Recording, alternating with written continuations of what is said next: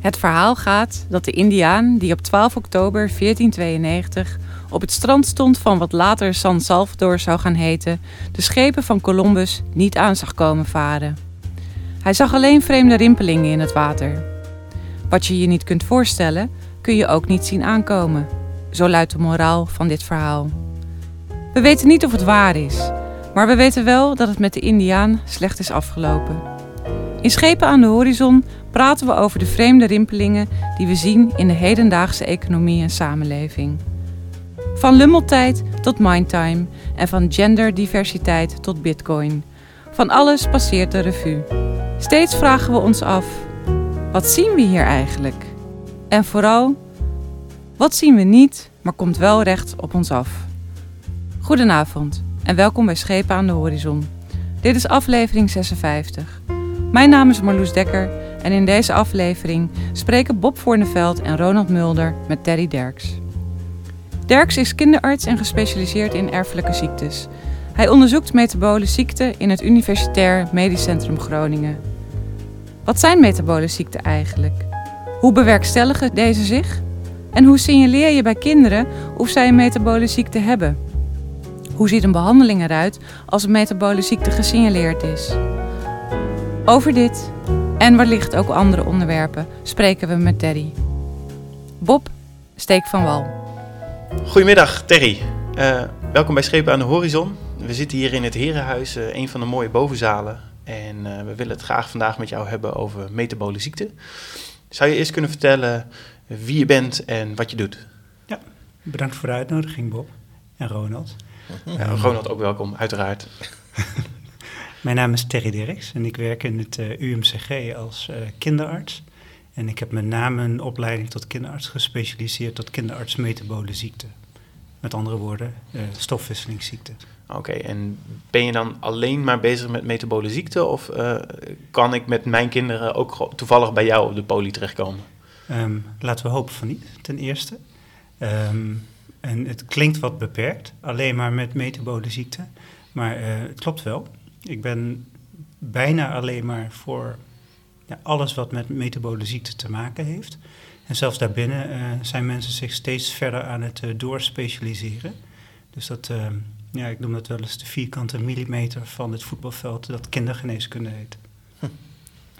Kun je me uitleggen, ehm, metabole ziekte, het is een woord, je gebruikte net ook al het woord stofwisselingsziekte. Mm -hmm. Ehm, zit daar een verschil in? Is dat hetzelfde? En kun je uh, uitleggen wat, wat, is het, eigenlijk? Ja, wat is het? ja, ja. Nou, uh, metabole ziekte of stofwisselingsziekte, het zijn synoniemen, wordt vaak door elkaar gebruikt. Um, het heeft te maken met alle scheikundige reacties in ons lichaam. Dat zijn er veel. En uh, het gaat bijna altijd goed. En het is een wonder hoe we alles wat we eten en drinken, wat je toch kan beschouwen als een grote chaos in feite, um, verteren op een uh, vrij gestructureerde manier. En na vertering nemen we die voedingsstoffen op. En daarna vinden al die scheikundige reacties op celniveau plaats. En wat ik al zei, dat gaat bijna altijd goed. Maar bij patiënten met een erfelijke stofwisselingsziekte gaat dat uh, ook wel eens fout. En dat kan heel uiteenlopende klachten geven. Ja. Maar dus is veel breder dan het misschien in eerste instantie klinkt, stofwisselingsziekte. Want alle chemische processen, dat ja. is nogal wat. Ja, dat klopt, ja. ja en dat maakt het ook uh, qua herkenning heel lastig. Omdat het meestal goed gaat en maar in hele zeldzame uh, omstandigheden fout gaat, komt het ook niet vaak voor. En dat maakt ook dat uh, de meeste kinderartsen die in een algemeen kinderziekenhuis werken, bijvoorbeeld in het Martini ziekenhuis of een ander niet-universitair medisch centrum, niet veel kinderen met stofwisselingsziekte volgen voor kinderartsen met stofwisselingsziekte geldt zelfs nog steeds dat ze niet altijd veel patiënten, mensen met een bepaald type stofwisselingsziekte volgen. Het zijn allemaal heel zeldzame ziektes. Ja, dat klopt, ja. ja. We hebben een uh, definitie in Europa van zeldzame ziekte van 1 op 2000. Voor stofwisselingsziekte geldt dat de meest voorkomende stofwisselingsziekte in Nederland ongeveer 1 op 10 tot 15.000 voorkomt per jaar.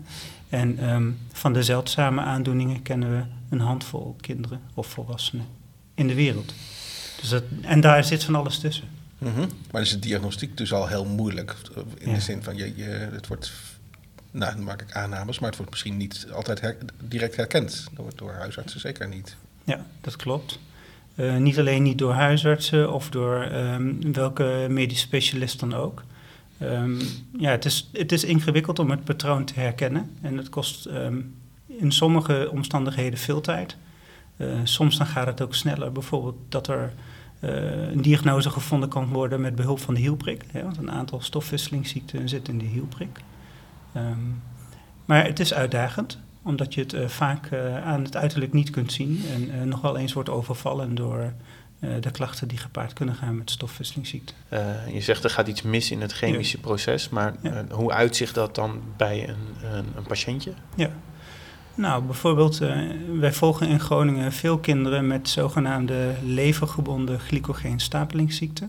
Nou, dat is een hele mond vol. Ja.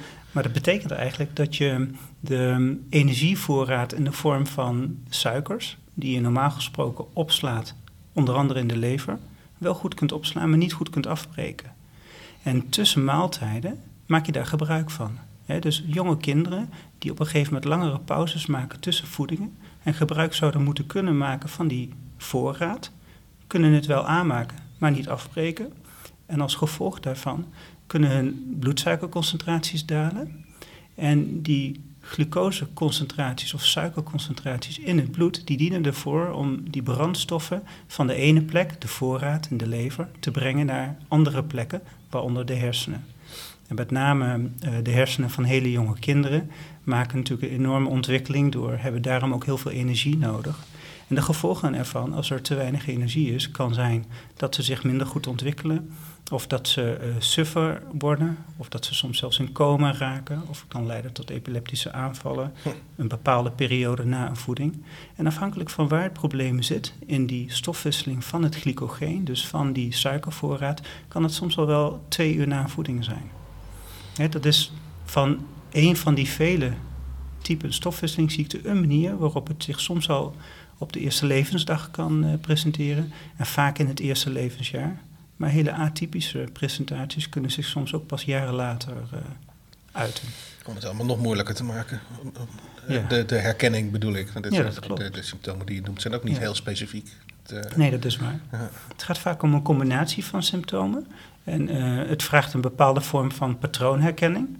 En um, ik maak zelf wel eens de vergelijking met, uh, nou, je hebt bijvoorbeeld een blaadje voor je, er staan een aantal vragen op, um, uh, woorden. Um, die woorden zijn opgebouwd uit, uit letters. En vanaf het moment dat je vanaf een bepaalde leeftijd hebt geleerd om te lezen, dan kan je er niet meer aan ontkomen dat daar staat wat daar staat, omdat je dat zo geleerd hebt. Maar je moet het wel leren. En uh, soms is het handschrift slecht. Dus dan denk je toch van, ja, wat staat daar nou eigenlijk? Daar bedoel ik verder niks mee. Maar dat is wel eens wat er kan gebeuren. En dat, maakt, uh, dat is een metafoor voor um, ja, dat die patroonherkenning uh, kwetsbaar is. Zeker als je dat van individuen af laat hangen. Hoe komen patiëntjes uiteindelijk bij jou terecht? Als het uh, makkelijk loopt uh, via een afwijkende hielprik bijvoorbeeld. Hè, dat is een manier waarop uh, kinderen zich nogal eens presenteren. En zoals je wellicht weet heeft ieder kind na de geboorte op, op dag 4 tot en met 7 grofweg een hielprik. En daar wordt op een aantal stofwisselingsziekten onderzocht. En als die uitslag afwijkend is, dan wordt er contact gelegd enerzijds met de huisarts en anderzijds met een gespecialiseerd ziekenhuis. En dat zijn wij voor de stofwisselingsziekten en voor patiënten in de noordoostelijke regio van ons land. Um, nou, en dan gaat er een proces in gang wat leidt tot een bevestiging van een diagnose of niet. En parallel daaraan een behandeling als dat nodig is. Um, een andere manier waarop kinderen of volwassenen op ons pad kunnen komen is uh, bijvoorbeeld via een acute opname in ons ziekenhuis. Een derde vorm is dat patiënten verwezen kunnen worden naar ons door collega's in de regio maar soms ook buiten de regio. En een vierde vorm is dat zo'n collega op een eerste hulp ergens in het land dus een keer een patiënt krijgt. En dan denkt van, oh, daar moeten we toch eens uh, bijvoorbeeld Groningen voor bellen. En dan kan het zijn dat je ergens op een gang staat en een paar jaar later nog weet um, met wie je sprak op dat moment over die betreffende patiënt. Heb je het gevoel dat dat traject genoeg ingebed is in, in, in Nederland dat, dat we daarmee uh, alle patiëntjes op tijd kunnen vinden? Of uh, hmm. hangt het nog te veel van toevalligheden af? Ik denk dat je enerzijds zou moeten zeggen dat we in Nederland waanzinnig goed georganiseerd zijn. Um, dokters, uh, medische specialisten weten elkaar wel makkelijk te vinden. Ehm, de afstanden zijn ook niet groot.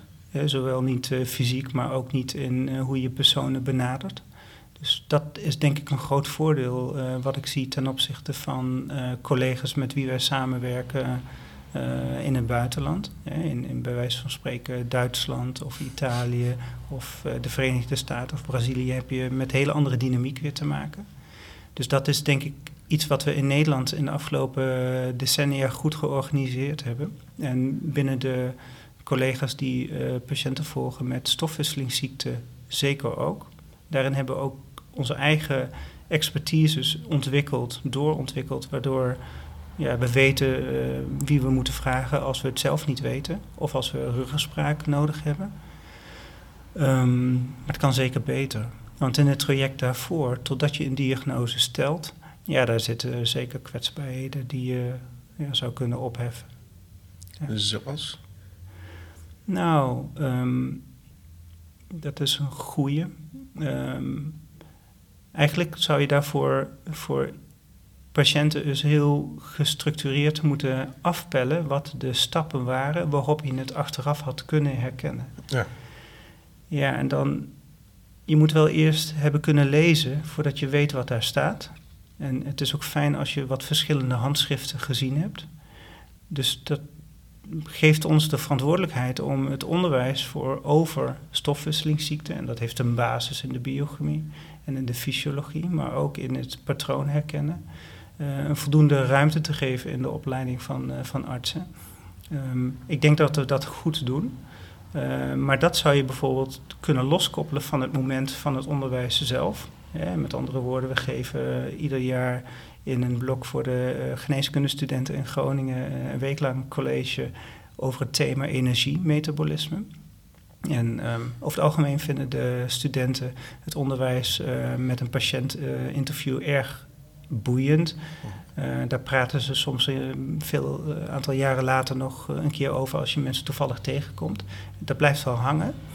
Um, maar je zou de leerpunten, naar aanleiding van zo'n patiëntenverhaal, eigenlijk willen expliciteren. En dat kan je natuurlijk heel mooi digitaal uitwerken met een patiëntenverhaal, waar je de kwetsbaarheden en de, de kennismomenten expliciteert mm-hmm. met de leerpunten die daarbij horen.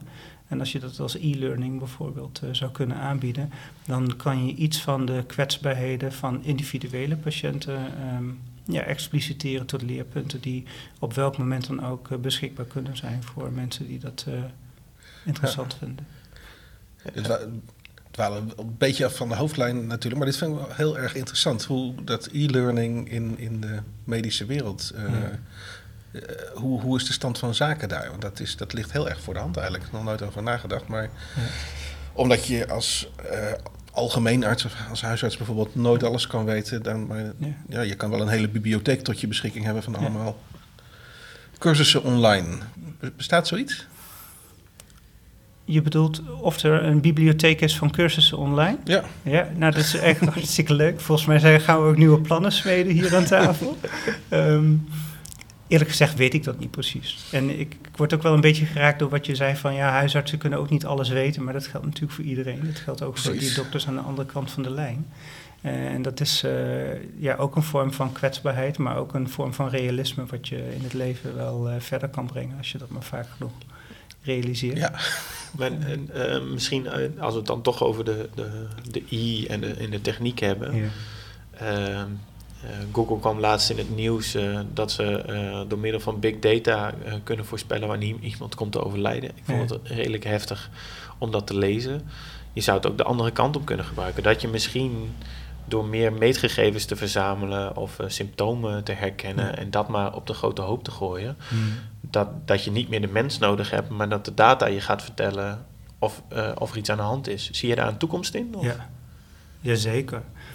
Denk dat je het scenario wat je schetst, waarbij bijvoorbeeld mensen uh, thuismetingen zouden kunnen doen, ligt heel erg voor de hand voor chronische aandoeningen, maar ook in de preventieve sfeer. Hè, dus dat zou je veel breder moeten willen zien dan alleen stofwisselingsziekten. Maar stofwisselingsziekten liggen wel voor de hand als model, omdat het namelijk sterk interfereert met gedrag en met voeding. En dat zijn natuurlijk toch basisprincipes die voor het gezonde ouder worden van belang zijn. Dus daarin zou je in de preventieve sfeer voor de mensen in algemeenheid veel van um, de groep van mensen met stofwisselingsziekte kunnen leren omdat die interactie daarin zo, um, nou, zo gevoelig is en een bijzonder uh, uitwerking heeft.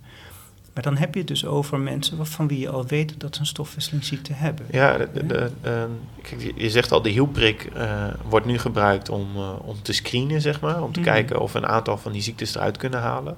Maar denk je dat dat ook uh, nog... er is waarschijnlijk een bewuste keuze gemaakt... welke dingen je wel in de hielprik test en welke niet. En een aantal zullen niet kunnen. Ja.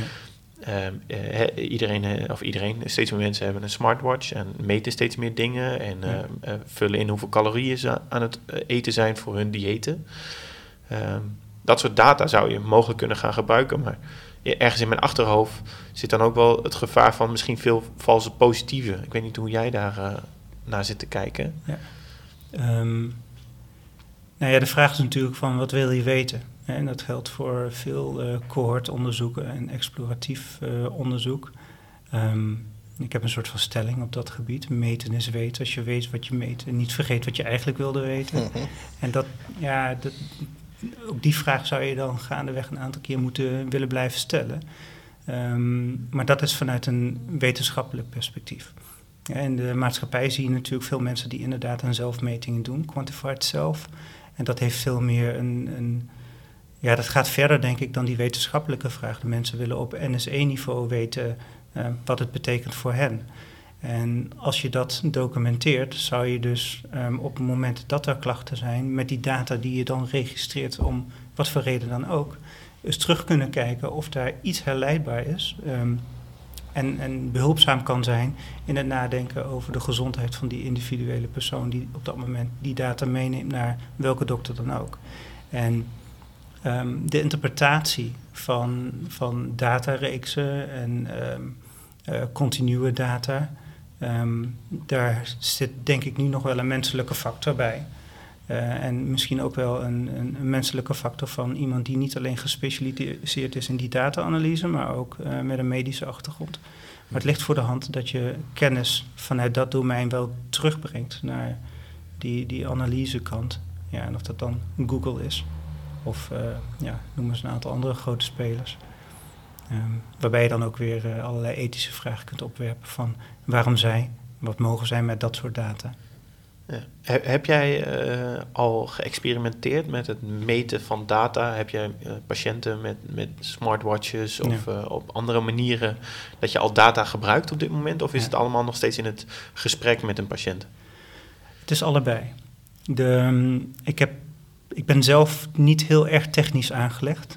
Dus ik vind het altijd wel mooi als het functioneel is en om dan mee te denken met mensen over um, wat het dan ook zou kunnen betekenen.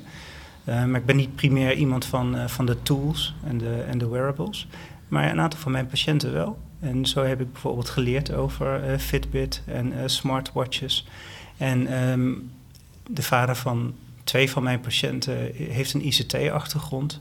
En als je wat verder praat dan de reguliere spreekuurtijd uh, en uh, onderwerpen, dan kom je in gesprek over nou, dilemma's en, en uitdagingen wanneer je de kennis van de patiënt met de zeldzame aandoening wilt koppelen aan de expertise, in dit geval dan van, uh, van onze afdeling.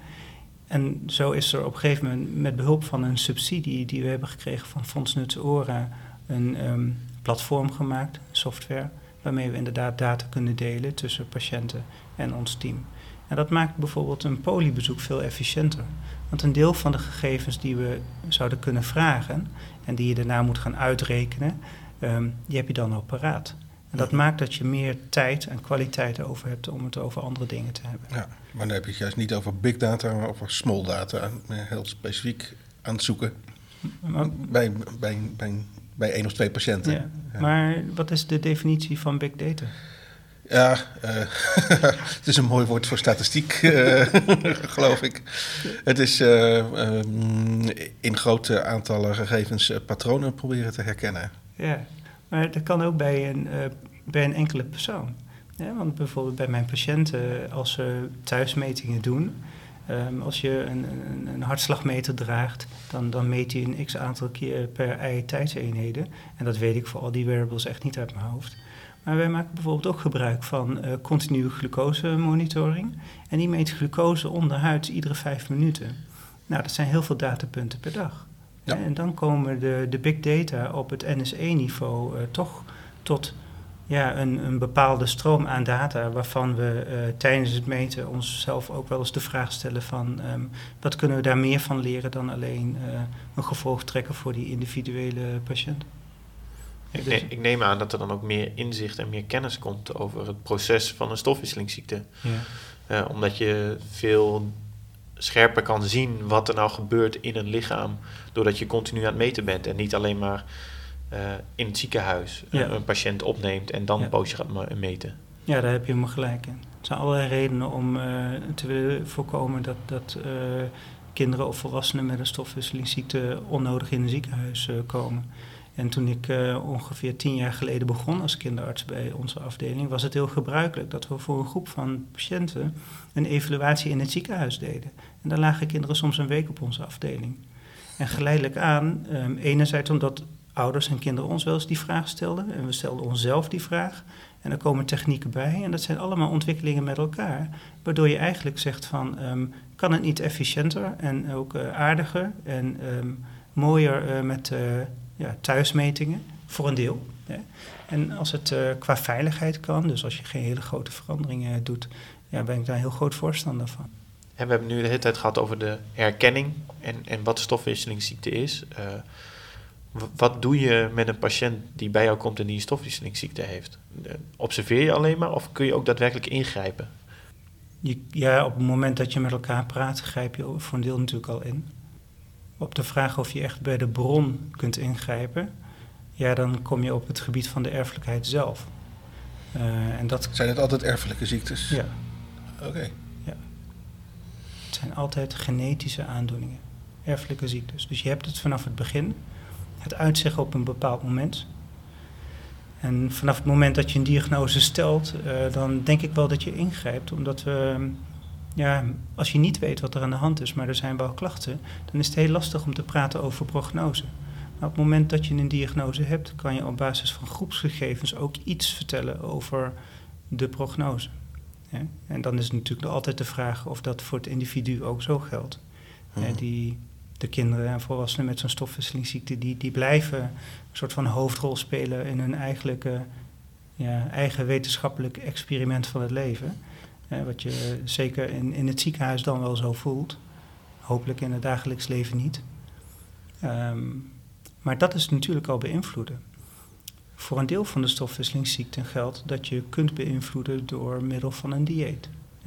Neem het voorbeeld van die hele jonge kinderen die hun bloedsuiker niet op peil kunnen houden door zo'n levergebonden glycogeenstapelingsziekte. Dan als die glycogeenvoorraad vanuit de lever niet afgebroken kan worden, dan kan je een truc bedenken met behulp van een dieet om een vergelijkbare voedingsstof, bijvoorbeeld in de darm, aan te laten komen. Dus een dieet te veranderen, waardoor je als het ware dat, uh, die blokkade probeert te omzeilen.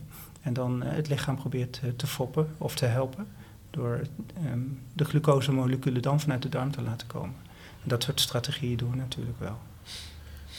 Dus uh, andere voedingspatronen en ook ander, andere voeding? Ja. Even heel praktisch. ik, heb, ik, ik, heb, ben een, ik heb een kind van een paar maanden waarbij we dit geconstateerd hebben. Waar hebben we het over? Zo'n kindje, je zei, ze zijn wat suf, hebben misschien wat het probleem met de ontwikkeling van de hersenen. Ja. Wat, wat verander je en wat voor positieve effecten heeft dat? Ja. Je noemt heel veel dingen. Je zegt jij, ja, kwaliteit van leven, wat doe je allemaal? Um, dat doen wij. We werken natuurlijk altijd in een team met, met mensen. En uh, vanuit een medisch perspectief uh, kan ik wat bijdragen samen met mijn collega's. Um, de, dieet, dat is een vak apart. En uh, dat vergt heel veel interactie met onze diëtisten. En die, die werken op een gespecialiseerd terrein van de kinderdiëtetiek, wat, wat vrij uniek is ook weer. Ja, dan kan je voor deze kinderen, afhankelijk van hun leeftijd, het dieet zowel qua kwaliteit als qua uh, frequentie aanpassen. En dat betekent voor hele jonge kinderen soms dat je continu moet voeden. Ja. Het betekent voor iets wat oudere kinderen dat je op een gegeven moment, ehm, en dan komt het woord praktisch terug, um, uh, voedingsmiddelen kunt gebruiken als ongekookte maïzena. Ongekookte maïzena is eigenlijk een, uh, een, een alternatief voor het glycogeen. En ons lichaam breekt dat heel langzaam af. Uh, een beetje zoals, het zijn net kleine toverballetjes op microscopisch niveau. Mm -hmm. Dat kennen wij nog wel. Dat je zo'n toverbal eet en um, na een minuutje of zo kijk je er even naar, je haalt hem uit je mond en je ziet een andere kleur. Er is een laagje vanaf gegaan. En als je er niet op bijt, dan uh, kan je er heel veel tijd ja. mee doen. Ja. Nou, dat geldt ook voor die maïzena. Die wordt heel langzaam afgebroken door het lichaam. Um, afhankelijk van je leeftijd kan je dat doen, want als je heel jong bent, kan je dat niet zo goed. Maar als je wat ouder bent, wel. En dan kan je dat titreren, afhankelijk van de behoeften van het kind. Titreren, ja. dat is een woord wat ik niet herken. Oké, okay. dan kan je het aanpassen. Okay. Dus je kunt de dosis en de frequentie aanpassen aan uh, uh, wat het kind nodig heeft. En daar weet je mee wat je eigen uh, ervaring is. Als team bedoel ik, je bedoel ik in meervoud. En um, zo probeer je dan het dieet aan te passen op een praktische manier voor, voor ouders thuis met zo'n heel jong kind. En, en dat is een, een, een continu traject wat je eigenlijk door de levensloop van zo'n uh, patiënt uh, meemaakt als, als team ook. Klopt, ja. Dus ja. lange relaties die er ontstaan. Absoluut. Ja, we hebben voor die patiënten met levergebonden glycogeenstapelingsziekte bijvoorbeeld meerdere generaties van dokters, diëtisten die de patiënten vervolgen. En ja, er zijn bijvoorbeeld patiënten die um, um, de, leermeester van mijn leermeester al hebben mee, meegemaakt, zal ik maar zeggen. En dat is wel heel bijzonder, dus zo leer ik af en toe nog wat van hen, terwijl die niet meer dagelijks op de werkvloer rondlopen. Dat is echt bijzonder. Worden patiëntjes hier dan met zo'n aangepast dieet gewoon oud mee, zoals jij en ik? Mm-hmm. Uh, uh, ook weer even de gemiddeldes natuurlijk. Of, of zit daar een heel ja. ander levensverwachtingspatroon aan vast? Dat, dat verandert ook in de loop van de tijd, de, de verwachtingen die je daaromtrent hebt. Hè. En in algemene zin um, zijn er inzichten die je naarmate de tijd vordert meeneemt in de behandeling van individuen. Dus bijvoorbeeld voor de jaren 70 hadden we voor deze groep van patiënten met die levergebonden glycogeenstapelingsziekte helemaal geen behandeling. Als ouders het van nature goed deden, dan kwamen de kinderen in het ziekenhuis. Maar daarna was de sterfte nog steeds heel hoog door alle risico's die met het frequent voeden dag en nacht uh, gepaard gaan. Want iedere ouder kan zich voorstellen dat het heerlijk is dat je kinderen na verloop van tijd lekker doorslapen. Hè? Mm-hmm.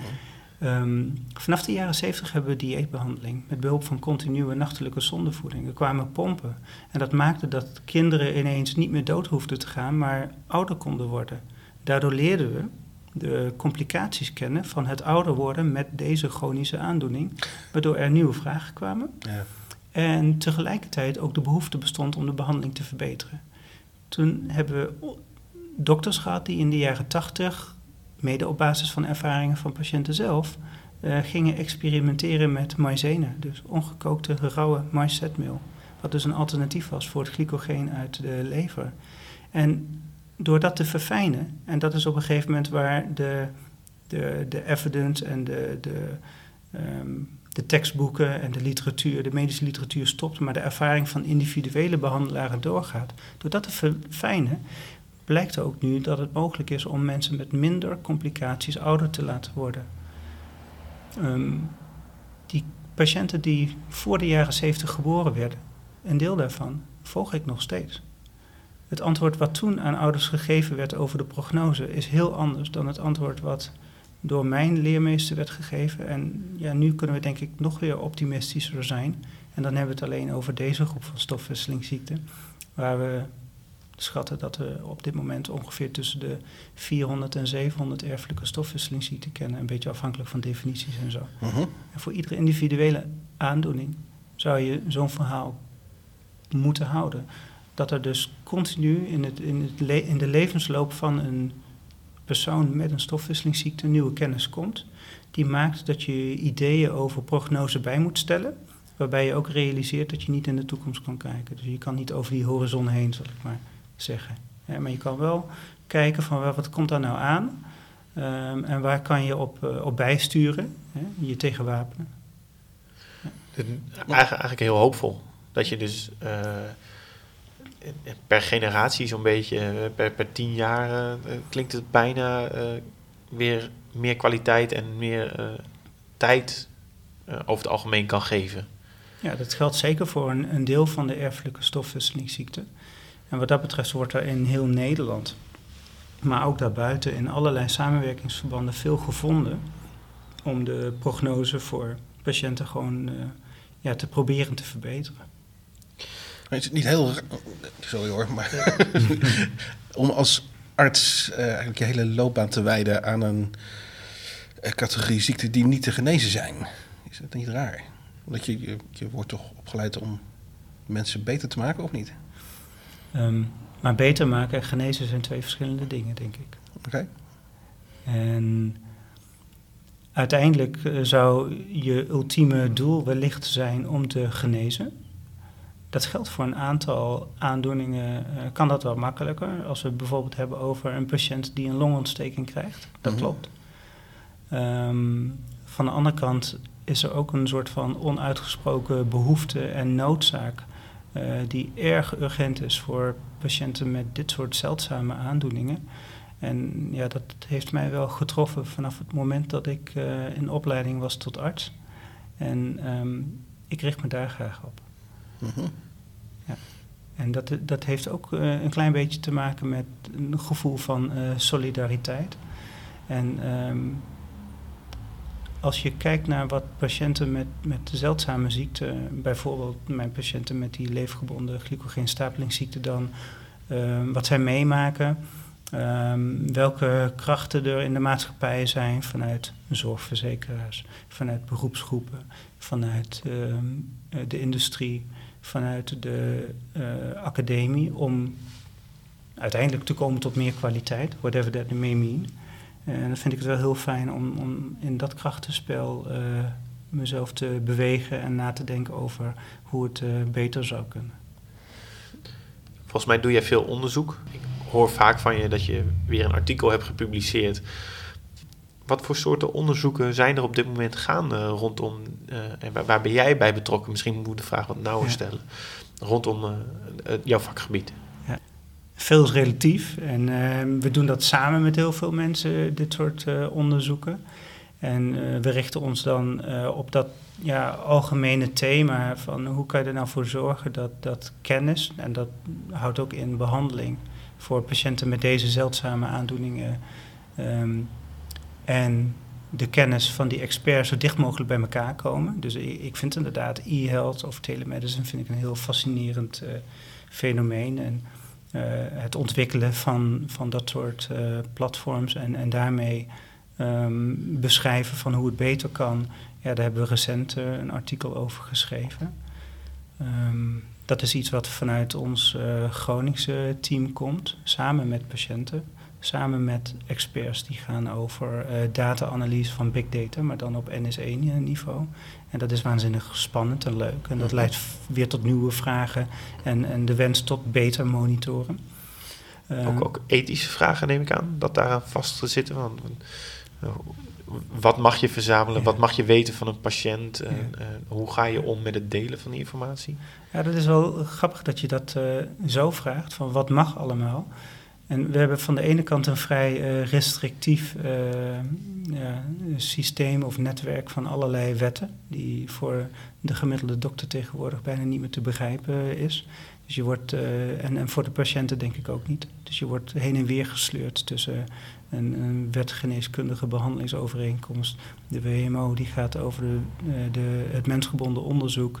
Uh, hoe mag je omgaan met, met medische software? Want daar heeft Europa weer allerlei dingen over bedacht vroeger. En dat wordt binnenkort weer anders. Uh, dan hebben we natuurlijk de recente privacywetgeving. En al die wetgeving die is er niet primair op gericht om het voor de individuele patiënt beter te maken. en ik vind dat buitengewoon ingewikkeld. Uh, dat, of dat dan ethiek is, ja, dat weet ik nog niet eens zozeer. Maar um, het levert zeker juridische vraagstukken op die um, soms wel nou, de, de, een, een, barrière lijken op te werpen om het sneller en efficiënter en beter voor in de gezondheidszorg te doen. Nou, als je op een gegeven moment denkt dat, dat bepaalde software goed werkt, dan um, zou je, dan, dan vragen wij ons hardop af of je dat beter door kunt ontwikkelen uh, binnen de muren van je ziekenhuis. Of dat het op een bepaald moment uh, beter is om het in het publieke domein uh, te delen of, of af te staan. Zodat verdere ontwikkeling niet geremd hoeft te worden door alle wetgeving waar een zorginstelling mee te maken heeft. En dat, dat is een buitengewoon ingewikkeld spanningsveld of, of ja, gebied waar, waar een zorginstelling ook veel voorzichtiger in moet opereren dan um, uh, een andere instelling. Op het moment dat je medische software of iets wat je ook wel populair een appje kan uh, noemen, um, als je dat inzet voor dit soort uh, doelen, ja, dan wordt het gewoon een medisch hulpmiddel. En dan gaat de wetgever daar bepaalde dingen van vinden. Ja, en dat, dat is ontzettend frustrerend vanuit een. Als, als je daar als mens naar kijkt. En als je daar als professional naar kijkt. En af en toe heb je natuurlijk dit soort verschillende petten. Als je het gesprek aangaat met uh, mensen op, in de polykliniek. Ja, dan is het heel moeilijk om dat uh, gebalanceerd uh, te brengen. En tegelijkertijd de, de snelheid erin te houden. ja. ja, dat is een spanningsveld. Je zei al, uh, een van de een vader van een patiëntje van je is ICT-man. Ja.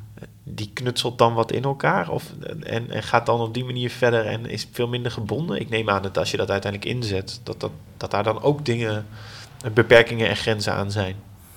Ja, de beperkingen, um, er is heel veel mogelijk. maar je hebt je te houden aan allerlei regels en, en normen. en dat doen we. Ja. Dus we hebben een heel technisch dossier wat we bijhouden.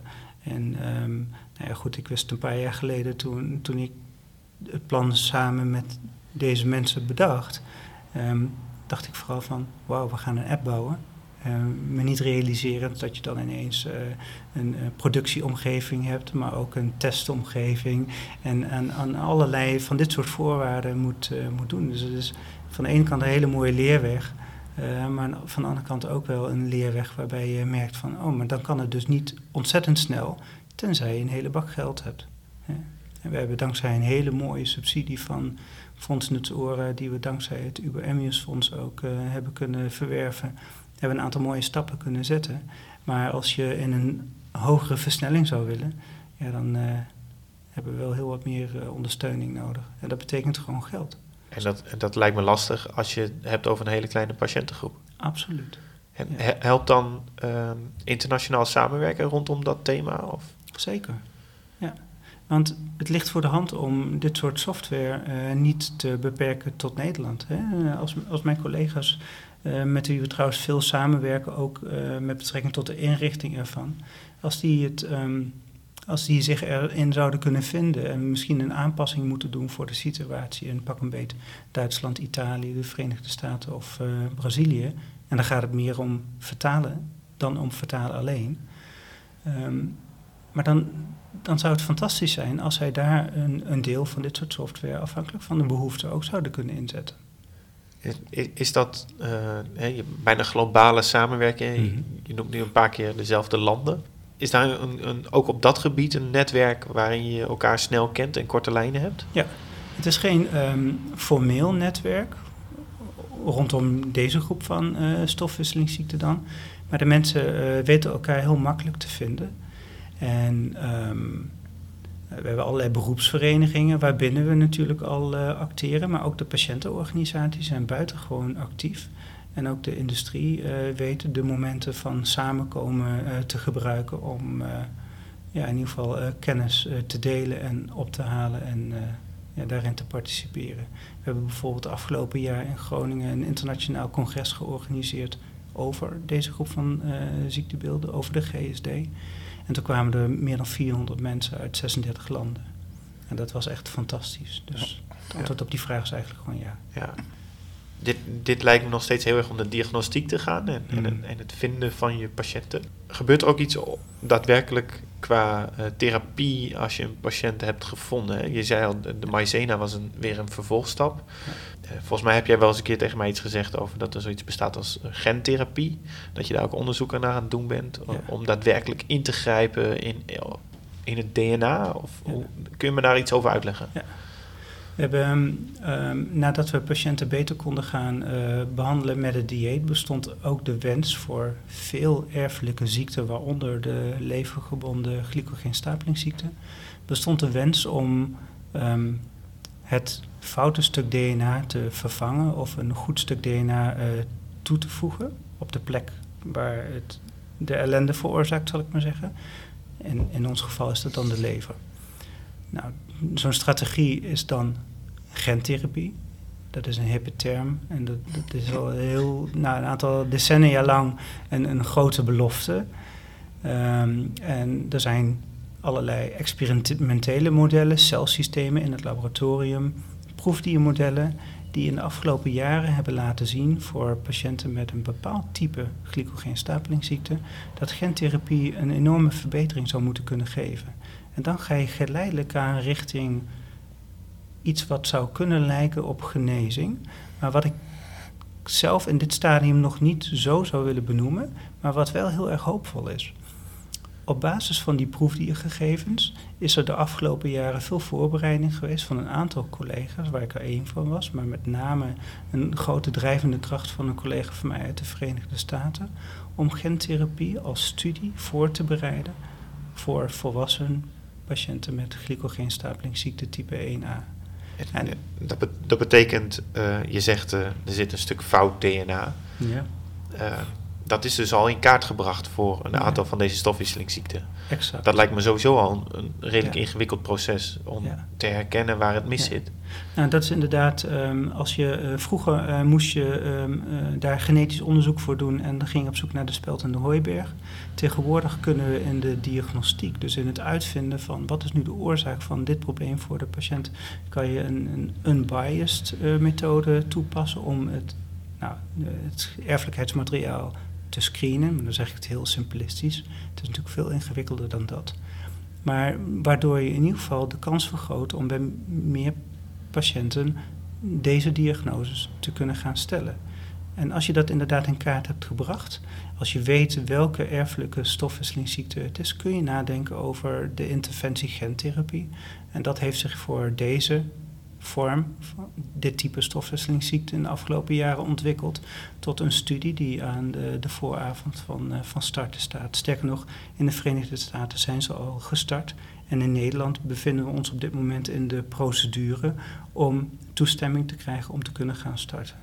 Eh, Met klinisch onderzoek. Dus Ja. dan ga je van de proefdierfase naar de Exact. naar Ja, onderzoek bij mensen. ik, ik snap nog niet hoe je DNA kan vervangen of toe kan voegen. Herprogrammeren. Ja, hoe, hoe- eh, ik kan code schrijven en daar kan ik stukjes weghalen en toevoegen. Maar je, volgens mij heeft iedere cel DNA in zich. En hoe, Ja. hoe ga je dat in hemelsnaam eh, Ja. veranderen? In de, in de cellen hebben we ons DNA grofweg in de kern, hè, het genomisch DNA. En er bevindt zich DNA in de energiefabriekjes. Dat zijn kleine onderdelen van de cel. En die worden ook wel mitochondriën genoemd. Ehm, afhankelijk van het type gentherapie kan je daar eh, DNA aan toevoegen. eh, door het te laten inbouwen bijvoorbeeld. Of door het ehm, te laten eh, nou, samenleven in die cellen. Maar dan moet je natuurlijk tegen dat DNA vertellen dat ze wel naar de goede cellen toe gaan. En daar kan je bijvoorbeeld een virus voor gebruiken. Zijn virussen waarvan bekend is dat die eh, er met name eh, interesse in hebben om naar het hart te gaan. Of eh, dat ze vooral de spieren zouden willen aandoen. Of de lever. En dan ligt het natuurlijk voor de hand om voor deze levergebonden glycogeenstapelingsziekte een virus uit te kiezen. Dat in staat is om tot een soort van ontstekingsreactie van de lever te leiden, waardoor het virus daar naar binnen kan. En dat, dat is dus wat we gaan doen. En dan kan dat stukje DNA wat door het virus naar binnen gebracht wordt, zijn werk gaan doen. Dus het is een stukje eh, humaan DNA waar het juiste gen op zit, waar we ook dat gen vragen om hard zijn best te doen, dus om veel eiwit af te schrijven. Dat eiwit doet het niet bij de patiënten met deze stofwisselingsziekte, maar door dus extra DNA toe te voegen, voeg je uiteindelijk, als dat goed gaat werken, het juiste eiwit ook toe, waardoor je voldoende, in dit geval dan glucose kunt maken, waardoor de bloedsuikers op peil blijven. En deze patiënten hopelijk niet meer afhankelijk zijn van nachtelijke zondevoeding of van maïzene in de nacht. Wauw. Zo'n virus, is dat eh, eh, een one-off of is dat iets wat je pilletjes die je eh, eens in de zoveel tijd moet slikken? Hoe In dit geval zal het één keer een infuus zijn, waarbij het virus daarmee eh, zijn weg gaat vinden naar de lever. En er zijn een aantal ehm, erfelijke aandoeningen waarvoor er al studies eh, en studieresultaten beschikbaar zijn. Dus op zich is het principe al beschreven in de literatuur. Blijft dat het natuurlijk waanzinnig spannend is. En dat iedere individuele stofwisselingsziekte, erfelijke aandoening met zijn eigen uitdagingen gaan met betrekking tot effectiviteit en eh, veiligheid. Ja, want vindt het, vindt het immuunsysteem dat allemaal goed? Dat je, eh, Nee, daar vindt het immuunsysteem wat van. ja. Ja, voor een deel van de patiënten zal gelden dat ehm, door de manier waarop we het nu eh, voornemens zijn om te gaan doen, in de screeningfase al zou blijken dat het immuunsysteem om wat voor reden dan ook toch al een keer kennis heeft gemaakt met zo'n virus, waarvan we weten dat dat eigenlijk niet tot ziekte leidt bij de mensen. Maar als je het wel hebt leren kennen en er zijn dus antistoffen, ja, dan maakt dat dat zo'n uitkomst van een studie beïnvloed zou kunnen worden. En dat je daar in zo'n fase dan eigenlijk eh, nog geen gebruik van zou willen maken. Als je uiteindelijk ziet dat het op deze manier veilig en effectief kan zijn. En dat eh, moet je natuurlijk langer dan een jaar gaan bekijken. Dat, dat vergt meer tijd Mhm. en grotere aantallen van, ja, dan spreek je over proefpersonen. Dat is, ik vind het een onaardig woord, maar dat is de term die daarvoor geldt. Als je dat met meerdere mensen hebt kunnen bekijken, eh, dan ligt het ook voor de hand om, om meerdere varianten van een virus die de lever kan, eh, kan aangrijpen in te zetten, afhankelijk van hoe het afweerprofiel van zo'n individuele patiënt dan, eh, dan is. Nee? En het, een ander punt is natuurlijk dat je je afvraagt van ja, maar hoe lang gaat het dan werken? Maar dan kom ik eigenlijk ook weer terug op, op die vragen die in de spreekkamer wel vaker voorkwamen. En ook al voor de jaren zeventig, toen we nog helemaal geen dieetbehandelingen hadden. Je kan het niet precies weten. Nee. De tijd en de ontwikkelingen die, die gaan snel. En, en je moet met elkaar, dus met, met behandelaren en met, met ouders en patiënten, eh, continu de vraag stellen van hebben we al iets beters en waar gaan we naartoe? En dat vergt een bepaalde manier van eh, ja, partnerschap ook met patiënten en hun omgeving, die, eh, die ik wel als heel intens en waardevol beschouw.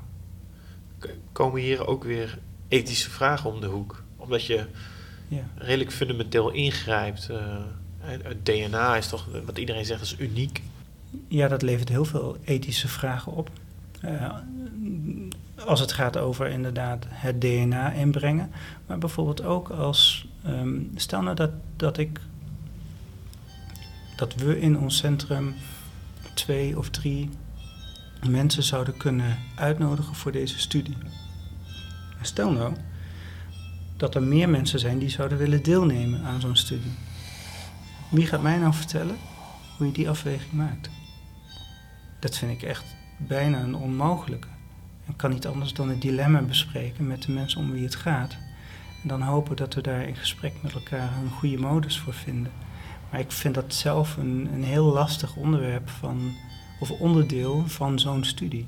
Zo'n studie is aan de buitenkant. Hè, en dat leidt ooit eens een keer tot, nou, wat veel mensen hopen, een fantastische wetenschappelijke publicatie. En dan kan ik je weer een keer een appje sturen en dan zeg je, ja Terry, ehm, na twee woorden Latijn ben ik weer afgehaakt. Maar dan denk je terug aan dit gesprek. En dan weet je wat de impact kan zijn voor individuele personen. Maar er zitten heel veel momenten van, van communicatie met, met individuele personen die uh, dagelijks op een hele andere manier mee te maken hebben dan, dan ik. En voor wie gentherapie wellicht een, een grote hoop is of een angst is. Ik heb ook wel eens patiënten gesproken die uh, me vertelden van nou, ik heb zoveel baat gehad van alle ontwikkelingen van de wetenschap in mijn leven, dat ik waanzinnig graag iets terug zou willen doen. Dat soort um, standpunten uh, Ja, die heb ik allemaal voorbij horen komen en dat is heel bijzonder. Ja. En in de hele procedure van zo'n studie voorbereiden zitten eh, een aantal wet, door de wet ehm, eh, ingegeven beslissingen. Hè, bijvoorbeeld wanneer mag je gaan werven, Ehm, hoe moet je werven. En dat dekt maar voor een deel de, de risico's en de dilemma's die je in de dagelijkse praktijk eh, ervaart. Ik, ik- vind het heel interessant dat je zegt dat je daar het gesprek met, eh, eh, met de mogelijke proefpersonen, om, om toch maar weer dat woord te gebruiken, dat, je, dat je met hen eh, blijkbaar bijna primair het gesprek aangaat. Terwijl ja, je zou bijna kunnen verwachten dat die misschien wel concurreren met elkaar om, om een plek. Hmm. Nou, het zijn dingen die parallel verlopen. Dus als het gaat over de procedure van toestemming krijgen voor een studie, zeker met gentherapie, eh, gaat het gepaard met hele hoge eisen en, en ehm, aanmeldingen bij ehm, een soort medisch-ethische toetsingscommissie. En daar zitten al die disciplines in, in eh, verwerkt, of die zijn erin vertegenwoordigd. Voor gentherapie is dat trouwens een centrale commissie in Nederland. Maar daar zitten dus medici in, ethici, methodologen, eh, ook mensen die kritisch kijken naar eh, het type informatie die eh, beschikbaar gesteld moet worden aan de potentiële proefpersonen. Ehm, dus dat, dat speelt ook. Maar je kunt denk ik onmogelijk onderzoek doen voor mensen zonder hen te betrekken in het gesprek. En in de ideale wereld zou je hen zelfs ook onderdeel hebben gemaakt van de ontwikkeling van zo'n protocol. Ik zie weinig redenen om dat niet te doen, eerlijk gezegd. Maar voor dit soort sponsor-initiated studies, wat betekent dat de industrie daarin een rol speelt, ehm, hebben die ook een rol of een uiteindelijk definitief eh, stem in de keuze om dat wel of niet te doen. Ehm, waar ik trouwens wel heel veel mee zeg, denk ik, tussen de regels door. Maar in de ideale wereld zou ik zeggen, ehm, geef degene voor wie je het onderzoek doet ook een stem daarin. En dat kan dus bij protocolontwikkeling zijn of hoe stel je zo'n informatiebrief eh, op. Daar liggen nog heel veel verbeterpunten eh, voor de toekomst. eh, je stipt al even eh, die industrie aan. Ja. Eh, het is een belangrijke factor, denk ik, in, in het ontwikkelen van deze eh, therapieën. Want er is veel geld voor nodig. Ja, absoluut. Ja. Ja. Je hebt ze nodig, maar ze hebben daarmee ook invloed, zeg je, eh, op het proces. Ehm, hoe, hoe zit je daar als eh, eh, dokter van een academische wereld, waarin je eh, probeert je kennis zoveel mogelijk te verspreiden in de wereld? Mm. Hoe, bal- balanceer je tussen zo'n sponsoring vanuit de farmacie en het, beschikbaar maken aan de wereld van dit soort Ja. eh, zaken? Nou, het probleem is dat je niet zonder kunt en met moet of mag. Ehm, dit is hoe we het met elkaar hebben ingericht ook. Of zoals het nu is. Vanuit de academie kan je si- simpelweg niet tussen aanhalingstekens heel eenvoudig eh, geneesmiddelen ontwikkelen. Een enkel succes daar gelaten. Dus je hebt zo'n partij vaak wel nodig.